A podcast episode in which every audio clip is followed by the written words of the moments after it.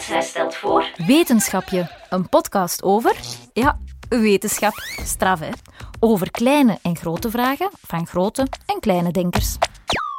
Leen, waarom fluiten vogels?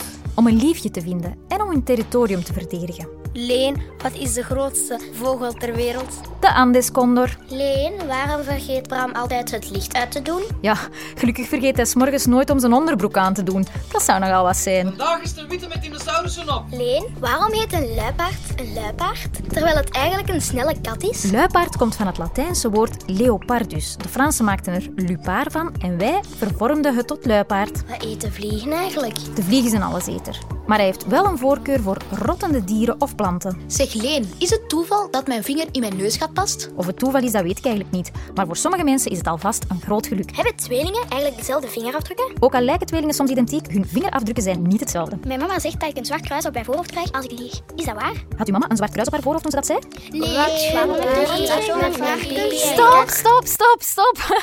Jullie blijven maar vragen stellen. Dat is wel heel leuk hoor, maar ik denk dat jullie beter naar het nieuwe seizoen van Wetenschapje luisteren vanaf oktober op wetenschapje.be. Dag wetenschappers, tot snel hè. Wetenschapje!